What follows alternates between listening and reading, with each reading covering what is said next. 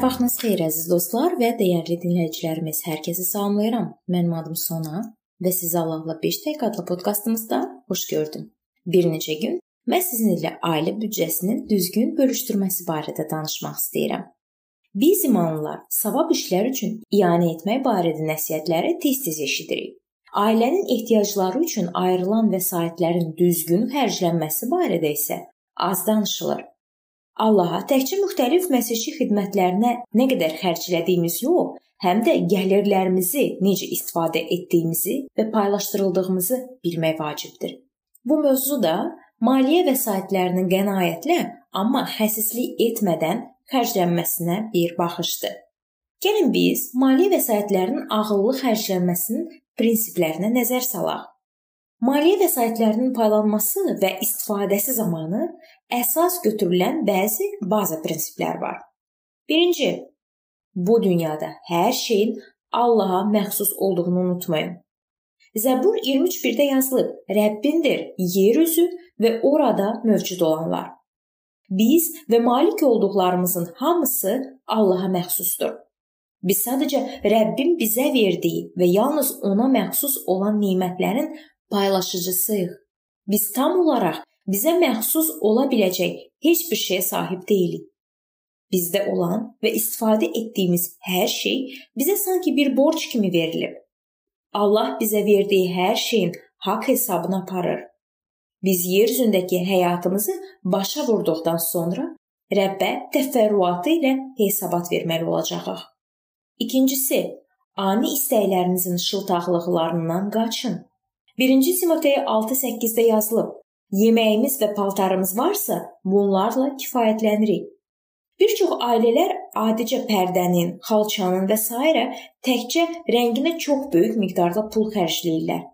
İri mağaza şəbəkələri və kredit kartlarının meydana gəlməsi bir çox hallarda ötəri istəklərimizdən doğan lüzumsuz alış-verişlərə səbəb olur.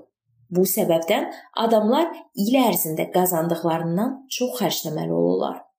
Üçüncüsü, gözlənilməz çətinliklərə hazır olun. Filiplilərə 4:12-də yazılıb: Mən məzlumluğun da, bolluğun da nə olduğunu bilirəm. İstər tox, istər ac, istər bolluq, istər ehtiyac içində olun. Hər şəraitdə, hər vəziyyətdə razı qalmağın sirrini öyrənmişəm. Ümumi iqtisadi böhran, fiziki zədə, çalışdığımız şirkətin sahibinin dəyişməsi, yanğın və ya ailə üzvlərimizdən birinin ölümü səbəbindən gəlirlərimizin səviyyəsinin qəfildən dəyişə biləcəyi faktı ilə hesablaşmalıyıq.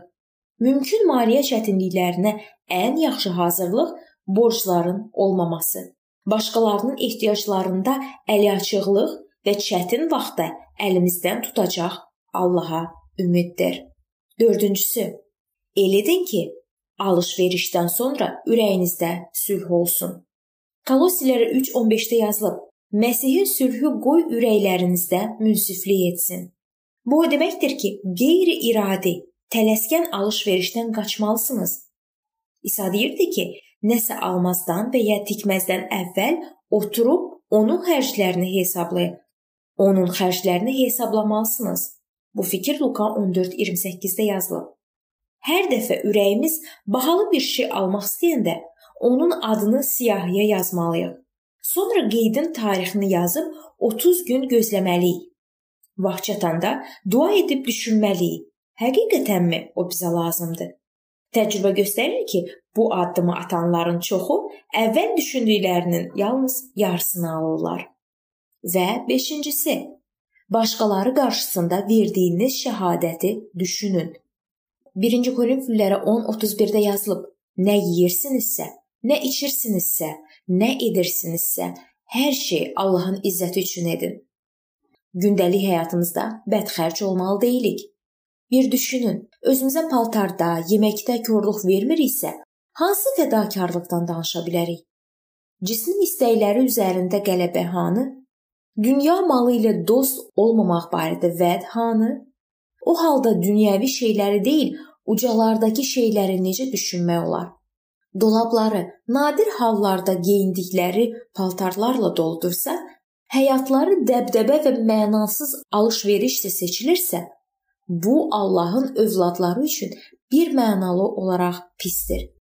Daha təvəzzükar yaşamağa çalışsaq, bir çoxumuz ağıllı hərəkət etmiş olarıq. Bu mövzunun davamını biz növbəti görüşümüzdə araşdıracağıq.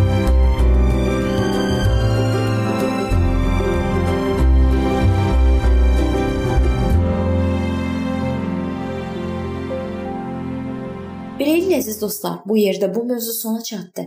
Hər zaman olduğu kimi sizi dəvət edirəm ki, bizim podkastlarımızı Facebook səhifəmizdən və YouTube kanalımızdan dinləməyə davam eləyəsiniz. İndi isə mən sizinlə sağollaşıram və növbəti görüşlərdə görmək ümidi ilə sağ olun, salamat qalın.